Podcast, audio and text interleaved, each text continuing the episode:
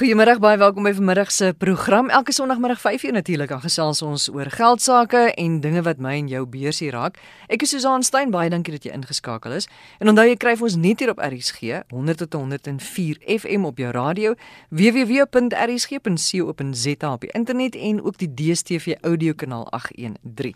Voordat ek begin, baie dankie vir die terugvoer oor die nuwe Rand en Sent boek. Hy's ook nie meer so nuut nie, maar hy's op die rakke as jy nie van hierdie boek weet nie. Ons het van die gewildste onderwerpe onderwerpe wat op Rand en Sent bespreek is in boekvorm saamgestel. Dit is nou by alle goeie boekwinkels beskikbaar, ook aanlyn as 'n e-boek.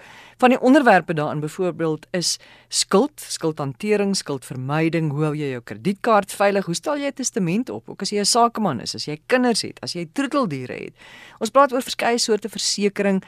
Daar is ook byvoorbeeld as jy 'n plaas het en jy het meer as een kind, hoe verdeel jy daai erfporsie regverdiglik? En natuurlik kyk ons na aftredebeplanning en ons kyk na spaar ag en vele meer. So kyk gerus uit vir die Rand en Sent boek uit so 'n ongelooflike mooi seegroen omslag en Penguin gee die boek uit. Maar voordat ek nou heeltemal meegevoer raak oor die Rand en Sent boek, kom ons kyk na vanmiddag se program. 'n Arbeidsregkenner sê sy werk met baie sake van werknemers wat in groot moeilikheid kom en afgedank word omdat hulle leuns op hulle CV's vertel. Mense is mos nou maar geneig om soms bietjie aan te dik. So hoe moet jou CV dan nou lyk en wat moet jy nie doen nie? Ons gaan ook so 'n bietjie praat oor die soort wangedrag wat veroorsaak dat mense dikwels afgedank word. Dan praat ons oor sosiale media. Dit is 'n baie magtige stuk gereedskap ook vir mense wat hulle eie onderneming bedryf, maar jy kan dit op die regte manier gebruik of op die verkeerde manier. 'n Entrepreneur wat ook 'n kenner is van sosiale media, verduidelik hoe kan jy dit reg gebruik tot die bevordering van jou sakeonderneming. En dan gaan ons verder praat oor ons of in ons kort reeks oor aftrede. Ons praat weer vanmiddag oor vroue en aftredebeplanning. Verlede week het ons spesifiek gekyk na vroue wat 'n lewensmaat het of wat getroud is.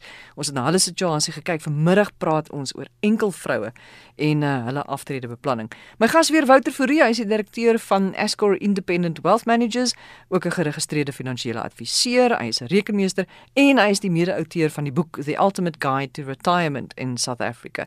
Wouter, ons kyk nou vanmiddag na enkel vroue en dan ook ma's nê, vroue wat alleen is of wat kinders alleen moet grootmaak. Ja, die eerste een is die enkel vrou So as jy nou nog nie kinders het nie of nog nie in 'n huwelik was of betrokke was in 'n verhouding nie, is dit belangrik dat ons moet besef dat jy moet sorg vir jou ou dag. Alhoewel ons almal dink ons kan werk totdat ons die dag omval en ons nie van ons pensioengeld afhanklik gaan wees nie, is dit ongelukkig nie die realiteit nie, veral in 'n land waar werkloosheid 'n groot faktor is. 'n Mens besef nie elke dag of jy môre nog steeds 'n beroep gaan hê of 'n werk gaan hê nie.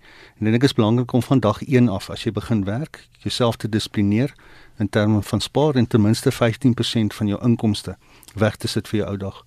En dan kan 'n mens natuurlik gaan kyk na spesifieke produkte wat ou kan gebruik daarvoor. Maar ek dink dis 'n ondertussen gesprek op sy eie daai. Maar die verantwoordelikheid om op dag 1 te begin spaar is baie belangrik want dis jou eie geld wat jy vir jouself wegsit eendag. Dan die tweede aspek is om te gaan kyk waar vrouens 'n ma is, um, as gevolg van 'n huwelik wat op die rotse geloop het of 'n man wat dalk weggeval het. En as ons gaan kyk na na egskeidings in Suid-Afrika ongelukkig is die afdwinging van onderhoudseise ensovoorts het nie baie sukses in in in howe nie. Ek dink nie dit word behoorlik deurgevoer nie en in baie gevalle sit vrouens met kinders wat hulle moet onderhou en grootmaak en die inkomstetjie wat hulle kry uit hierdie egskeidingsbevel kry hulle nie of dit is so min dat hulle hulle eie pensioengeldjies moet begin gebruik om die kinders te onderhou.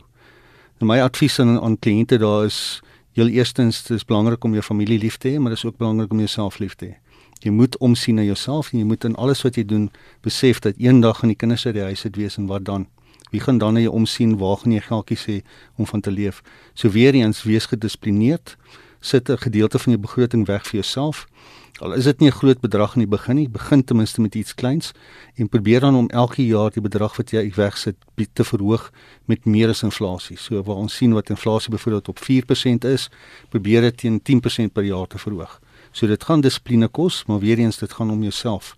Wie gaan jou omsien ou dag as jy nie geld het nie? En ek dink as jy waarskynlik 'n enkel vrou is, dan moet jy dan moet jy ook besef, jy weet jy jy gaan moet gedissiplineerd wees en jy gaan soms 'n bietjie hard moet wees ook teenoor jou kinders. Jy gaan miskien nie vir vir hulle alles kan gee wat jy graag sou wou gee of wat jy vir hulle sou kon gee as jy twee broodwinners was nie. Heeltemal korrek. En dis baie moeilik om vir jou kinders nee te sê. Ek self het twee kinders en ek besef hoe die liefde van van 'n ouer teenoor sy kinders is is onbeperk.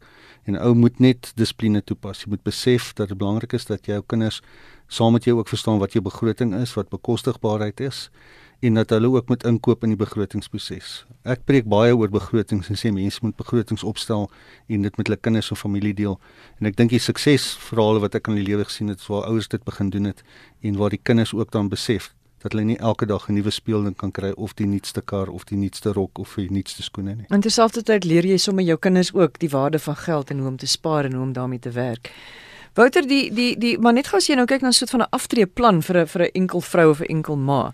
So 'n mens moet kyk na sekere produkte wat jy moet hê. Is daar spesifieke produkte vir vrouens wat miskien sal verskil van of van en, vir enkel mense eh, wat sal verskil van dubbel mense of waar daar twee saam is?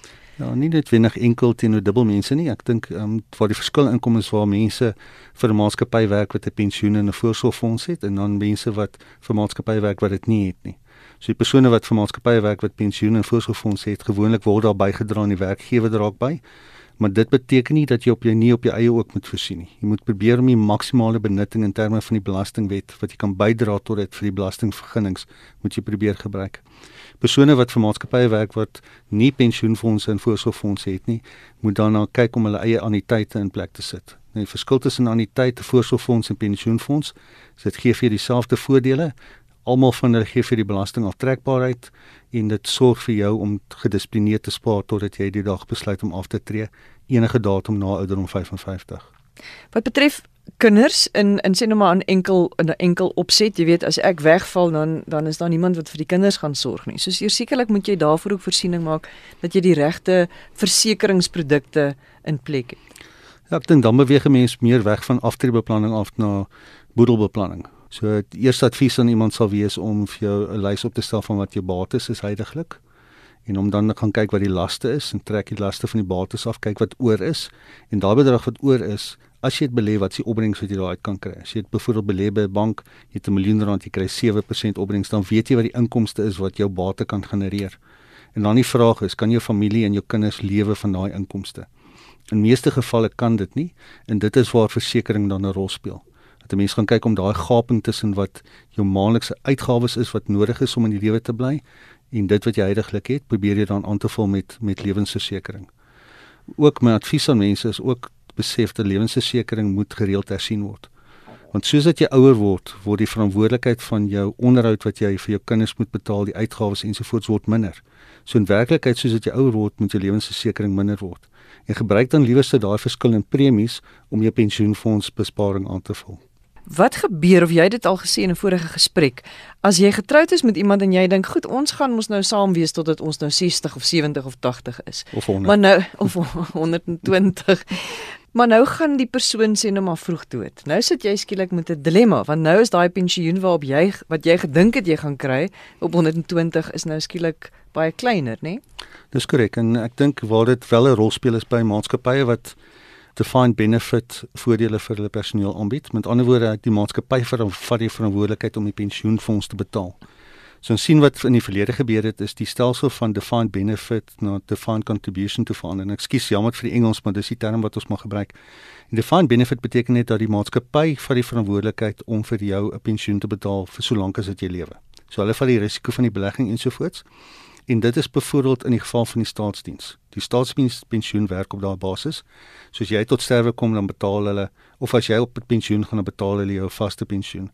Die gevaar is as dit jou eggenoot wat vir hierdie instansie werk vroegtydig tot sterwe kom. Daai berekening van die pensioen word gebaseer op die aantal jare wat hy of sy gewerk het. So jy kan dalk sit en in jou beplanning dink jy gaan 'n ek soveel uit kry by pensioen en dis skok gaan kry want die bedrag gaan heelwat laer wees as jy in pensioen ingaan. So weer eens is belangrik dat jy weet wat die rol is van jou finansies saam met jou mansinne en ook wat die impak in hierdie scenario's gaan wees. En daar sal ek aanbeveel om 'n goed gekwalifiseerde finansiële beplanner te kry om saam met jou te sit en hierdie verskillende scenario beplanning saam met jou te doen. Weereens, dis jou verantwoordelikheid om kennis te dra van hoe julle huidige situasie lyk en wat die impak van die verskillende situasies sal wees. Wouter baie dankie. Dit is Wouter Fourie. Hy is 'n direkteur van Escor Independent Wealth Managers, ook geregistreerde finansiële adviseur en hy is die skrywer van die boek The Ultimate Guide to Retirement in South Africa. En volgende week gesels ons oor aftredebeplanning en gesondheidsorg. Wat gebeur byvoorbeeld as jy skielik meer geld nodig het as wat jy uh, gedink het of as jy te siek raak en jy kan nie meer jou eie finansiële sake beheer nie? 'n Baie belangrike punt. Jolandi Prinsloo is nou eers hier by my in die ateljee. Sy's 'n arbeidsregkenner kenner. En Jolande, jy sê dit gebeur heeltemal te dikwels dat mense nie die waarheid praat op hulle CV's nie. Susan, ek nie spesifieke statistieke nie, maar dit is iets wat regtig baie algemeen voorkom en dit gebeur al hoe meer en meer dat werkgewers ons praktyk kontak om ons hulp in te roep waar hulle na iemand aangestel het en dan na die tyd uitvind daai persoon het gejok of nie heeltemal die waarheid gepraat op sy CV nie. Ek sidder eintlik as ek dit hoor want jy weet 'n mens weet nogal jou CV moet jy nou mos nou half eerlik wees. So so hoekom dink jy doen mense dit? Is dit nou maar net om die werk te kry of is daar 'n kultuur van leuns? Ehm um, Susan, ek dink is eintlik 'n kombinasie van albei want weet jy onthou ons huidige ekonomiese klimaat en die hoë werkloosheidssyfer in ons land dra by tot 'n um, ehm, verhoogde druk vir die um, vir die gebruik van vervalste CV's in in die aansoek om of die poging om 'n werk te kry.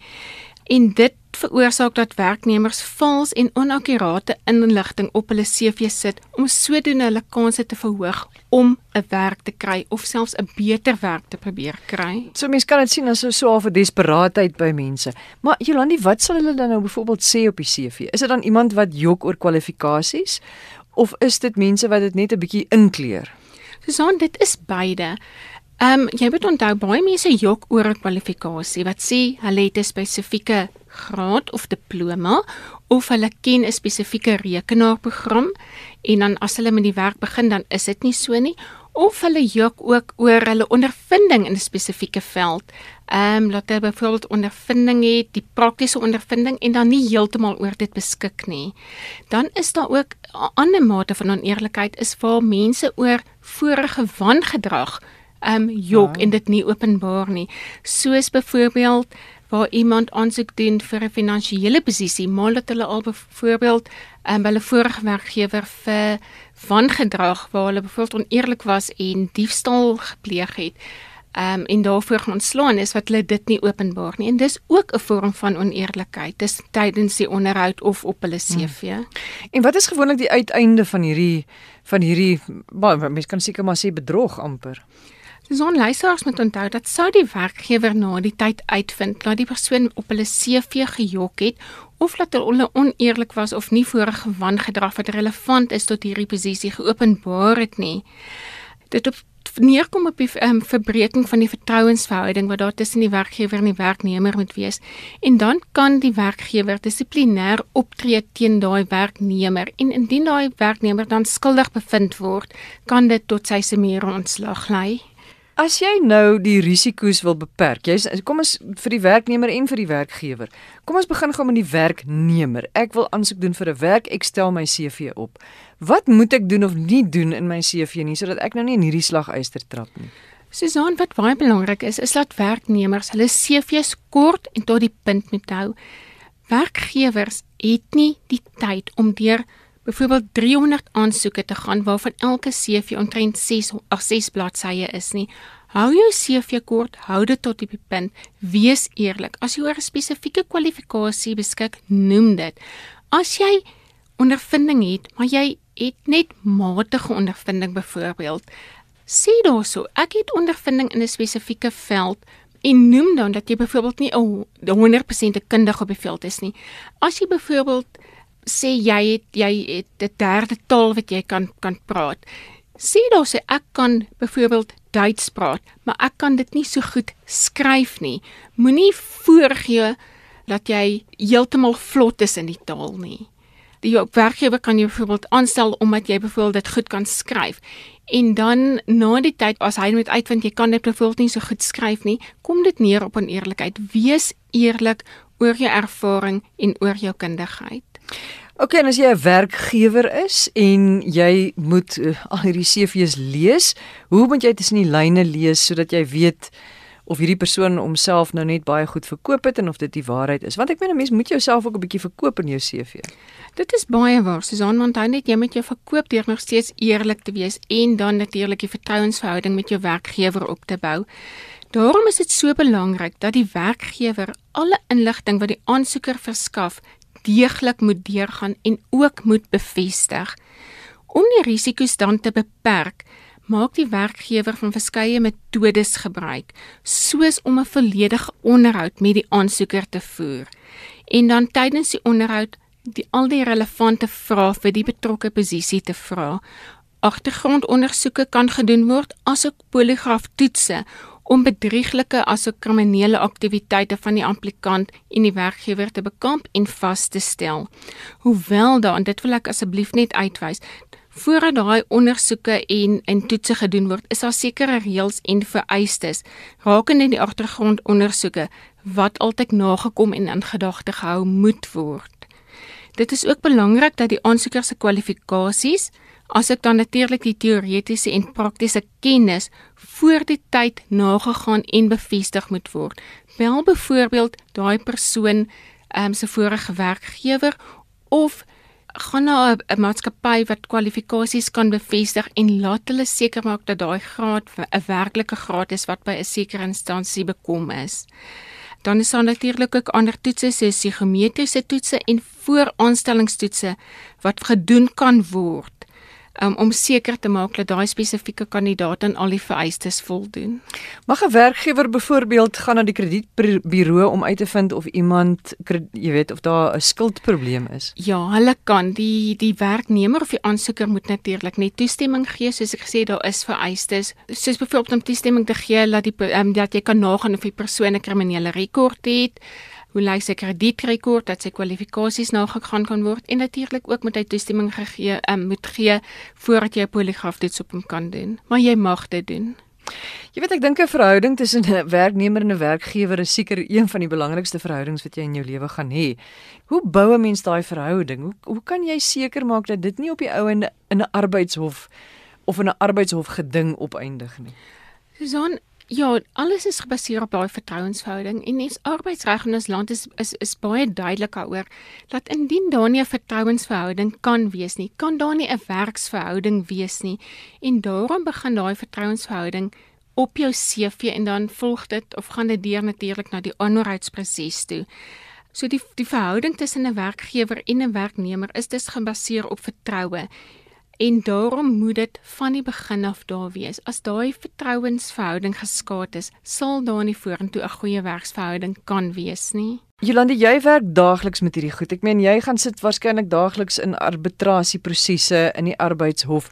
Wat sien jy? Wat is die grootste vorm van wangedrag waarvoor mense ontslaan word? Susan, die die meeste mense word ontslaan vir oneerlikheid en dit sluit in verskeie vorms van oneerlikheid. Of waar hulle oneerlikheid en oneerlik is ten opsigte van aantekeninge in hulle um, aantekenregisters misbruik van siekverlof waar hulle oneerlik is daaroor tot waar hulle oneerlikheid deur fisies te steel by die werkgewer of bedrog te pleeg Oneerlikheid is seker die die vorm van wangedrag wat die meeste voorkom in ons tipe werk. En dan neem ek aan dit is daarom nou nie net dat dat 'n persoon een keer nou per ongeluk half oneerlik was oor iets nie. Ek neem aan die persoon is nou al 'n paar keer gewaarsku oor die optrede. Ehm um, Susan, jy moet onthou, ehm um, met wangedrag ehm um, of gewoonlik by 'n dissiplinêre kode hang dit af wat se tipe wangedrag plaasvind en dan die tipe sanksie wat plaasvind. Minder ernstige wangedrag soos laat kom, ehm um, natuurlik vir dit gaan jy eers ehm um, vir die werknemer 'n waarskuwing gee, opvolg met 'n finale skriftelike waarskuwing en dan 'n voor. Maar ernstige vorms van wangedrag soos oneerlikheid en diefstal, hoef jy nie vooraf waarskuwings te gee nie. Jy doen jou jou ondersoek dat jy seker maak daar's genoegsame feite en bewyse. Jy reële dissiplinêre verhoor en sou daai persoon dan skuldig bevind word tydens die dissiplinêre verhoor is dit dan se mere ontslag sonder dat daar eers vooraf enige waarskuwings of iets gegee hoef te word. Jolandi, ons tyd is nou verstreke, maar baie dankie dat jy ingekom het ateljee toe. Dit is Jolandi Prinsloo en sy is 'n arbeidsregkenner van Y Labor. Jy luister na Rand en Sent net vir ons groet. Manus Broodryk is van the Bean Counter Farm en hy is ook die uitvoerende hoof van die maatskappy Transaction Capital, ook die skrywer van 90 Rules for Entrepreneurs. Marnus, ons praat oor sosiale media en die gebruike daarvan vir entrepreneurs. Sou jy sê dit is absoluut onmisbaar as jy jou eie besigheid begin? Ek sal net sê dat jy glad nie 'n entrepreneur kan wees nie. Um, ek dink van ons land en wêreld se mees suksesvolste mense is glad nie op sosiale media nie.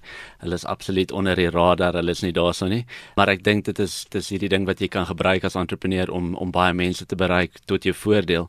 So ek sal nie sê ja, jy moet daarop wees nie, maar dit is definitief 'n groot voordeel. So ek dink mense moet dan nou kyk na die moeds en die moenies wanneer jy entrepreneur is en jy gebruik sosiale media. Kom ons kyk na die moeds. Hoe kan jy vir jouself 'n goeie profiel opbou? Hoe moet jy dit gebruik ten beste? So my eerste raad sal altyd wees om 100% jouself te wees. Maak nie saak waar jy is nie, buitekant publiek, sosiale media, want ek dink ons is lewens 'n tyd wat alles so oop is en mense sien so baie en as jy iets gaan voorgee op sosiale media wat jy nie is nie, um, dit gaan so vinnig uitkom en en mense hou van iemand te sien wat authentic is. En uh, so ek sê wees net jouself en jy moet jouself daar buite kan sit om te sê wat jy wil doen. So baie mense is in 'n besigheid, maar hulle vriende weet nie daarvan nie. Uh so jy moet mense herinner daarvan die hele tyd. Um as jy 'n loodgieter is, moet almal daarvan weet. Van die oomblik wanneer hulle by bars, is jy die eerste naam wat moet opkom. En ek dink dis wat sosiale media vir ons gee het. Dit het ons daai platform gegee om 1000 mense op een slag te bereik. Baie mense wat wat wat sê net maar maatskappy, hulle eie maatskappy het, hulle het twee rekeninge. Hulle het hulle privaat rekening en dan het hulle nou hulle rekening wat net hulle werkrekening is. En ek dink dis 'n goeie idee want ek meen as jy nou so kundige is en jy het jou eie praktyk, dan wil jy mos nou nie graag hê dat jou is miskien nou nie 'n goeie regverdige voorbeeld nie, maar jy wil nou byvoorbeeld nie graag hê dat jou uh, jou pasiënte dan nou of jou kliënte moet sien hoe jy nou jy weet by die huis kuier nie. Ja, ek dink ehm um, miskien is my opinie daaroor bietjie kontroversieel, maar ek glo mens moet dit nie hê nie. Ek dink ehm um, jy moet jouself wees en ek dink daar's soveel voorbeelde in die besigheidswêreld waar mense probeer wegskuil van wie hulle eintlik is. En ek dink jy's een mens en en en wanneer jy gemaklik met jouself is, dan dan moet jy dit op een profiel kan doen. Wat moet alles op daai profiel van jou wees? As jy net vol uitgaan en vir besigheid te doen, dan moet jy dalk nie al jou probleme uitblaker vir die wêreld nie. Ehm um, maar as jy van 'n entrepreneur oogpunt af doen, dan dink ek definitief jy moet die mense die hele tyd vertel van wat jy doen en jou besigheid daar buite kan daar buite kan kry. En wat moet jy alles hê? Want ek dink nou aan Twitter, ek dink aan Facebook en ek dink aan jy moet jou eie web tuiste hê. Wat wat moet jy nog hê? Ek dink as jy 'n entrepreneur is en jy wil soveel as moontlik mense bereik, moet jy absoluut oral wees. Um as een platform beteken een kliënt, is dit 'n kliënt wat jy nie sou gehad het nie. So ek dink nie ons moet te kieskeurig wees nie. Maar aan die ander kant wil ek ook sê soos daar soveel entrepreneurs al buitekant wat na my toe kom en vir my sê hulle kry nie kliënte op sosiale media nie, maar dis waar agter hulle wegkruip. Hulle sit die hele dag agter hulle rekenaars en hulle dink dis al waar dit vandaan moet kom en 'n nuwe netwerk kom op. Jy spring op dit, jy spandeer tyd daaraan. Um ek dink daar's 'n balans wat ook getref moet word tussen jy moet agter jou rekenaar wegkom, jy moet mense gaan sien en dan waar jy kan sosiale media gebruik. En jy moet sekerlik ook seker maak dat die produk wat jy verkoop of of wat jy bied goed genoeg is, nee, want dit help nie jy het hierdie fantastiese sosiale profiel, maar eintlik is jou produk of jou diens nie baie goed nie. Verseker, geen besigheid sal ooit groot gaan sonder 'n sonder 'n goeie produk nie. Dit verseker waar dit begin. En al hierdie is net tools om hmm. jou om jou produk daar buite kan te kry. Dink jy daar is daar's maniere hoe hoe jy sosiale media kan gebruik wat tot jou nadeel sal strek as jy 'n besigheidsman is? Ja, verseker, ek dink uh, partykeer raak mense net te persoonlik. Daar's goeters wat net nie ek dink op sosiale media woord as jy jouself daar buite kan sit as 'n as 'n besigheidspersoon nie. So nee, ek dink dit kan verseker. Ek dink nie 'n mens moet opinies hê wat kontroversieel is. Ek dink daai goeters is vir jou eie private gesprekke. Ek dink nie jy moet dit daar buite kan sit nie. En as jy dit daar buite kan wil sit, dan moet jy bereid wees om te kry wat na jou kant toe gaan kom. En man, as iemand na jou toe kom en vir jou sê, sê maar ek kom na jou toe en ek sê vir jou man, as jy so ek wil ek wil bietjie sosiale media gebruik. Wat gaan jy sê? Waar, waar begin jy? Jy weet, waar moet jy begin? Wat moet jy oopmaak? Wat sit jy daarop? So op die oomblik is um die groot platforms natuurlik Facebook, Twitter, Instagram, LinkedIn. Dis die plekke waar jy verseker waar jy verseker moet wees. Op die oomblik hulle wil geld maak daaruit al hierdie platforms. So wanneer jy besigheid is, dan deel hulle nie regtig jou wat jy post um organies nie. So jy moet betaal daarvoor. So dis 'n baie sterk middel om dit op die oomblik in jou persoonlike naam te doen, want dit word gedeel met almal terwyl hulle nog nie geld daarvoor daarvoor soek nie. So ek dink jy moet dit in jou persoonlike naam doen en en jy moet daai persoon word wat ek vroeër gesê het wat mense aan dink die oomblik wat jou werk opkom. Maar ek dink ek wil net soort van weer sê dat 'n mens moenie net agter sosiale media skuil nie. Jy moenie dink dat dit is die ding wat jou suksesvol gaan maak nie. Dit is bloot 'n derde of 'n kwart of 'n sesde van jou hele besigheid. Ja. So dan ek dink die die, die lekker ding is as jy kyk soos 10 jaar terug moes jy 50000 rand betaal het om aan 1000 mense blootgestel te word of 5000 mense blootgestel te word. Nou is dit verniet. So jou waar jy kan uitkom is is is fantasties, maar jou die mense teen wie jy kompeteer kan ook dit doen. Hmm. So so daar kom 'n punt wat jy dit moet gebruik maar jy moet nog steeds uitkom. Dink jy dat mense nou meer waarde kry? Dink jy mense doen nou beter besigheid vandat hulle hierdie groter advertensieplatform het as wat hulle gedoen het? Was dit moeiliker geweest 20 jaar gelede dink jy? Ek dink jy opwindende ding in 2018 is soveel meer mense begin besighede. Um uh freelancers, entrepreneurs op buitekant is soveel meer vandag en een van die redes is jy het nie meer baie geld nodig om op buitekant te kom nie. Jy kan letterlik uh, 'n uh, webtuiste oopmaak, jy kan op sosiale profiel gaan en jy kan 'n besigheid hê. So nee, dit is verseker seker voordelig veral vir die ou wat nie daai geld het nie. Maar miskien moet jy ook vir jou strategie uitwerk, nee, miskien moet jy ook beplan. Jy moet sê, okay, ek gaan sosiale media gebruik. Dit is my produk, dit is die mense wat ek wil bereik. Daai mense gebruik meestal hierdie sosiale platform. Ehm um, en dit is die image wat ek wil hê en dan bou jy vir jou daai image. Ja, verseker, ehm um, jy moet gaan waar die waar die mense is en en en waar ook al jou mense is, moet jy verseker verseker gaan. Ek dink nie, ek dink dit is tyd mors as jy net dink ek moet op elke platform wees, ek moet met soveel mense connect as moontlik. Jy moet regtig dit slim doen. Manus baie dankie. Dit is Marnus Broodryk. Hy is van the Bean Counter Farm. Hy is ook die uitvoerende hoof van die maatskappy Transaction Capital. En as jy vir my enigsins wil kontak, as jy meer inligting soek oor van ons sprekers vanmiddag of enigiets oor die program, my e-posadres is susaan@rsg.co.za. susaan@rsg.co.za. Jy kan ook gaan na www.rsg.co.za. Al ons gesprekke is daar beskikbaar op potgooi. Dankie vir die saamluister vanmiddag en volgende Sondagmiddag 5uur doen ons dit weer. Ek hoop dit is 'n lekker week vir jou. Totsiens.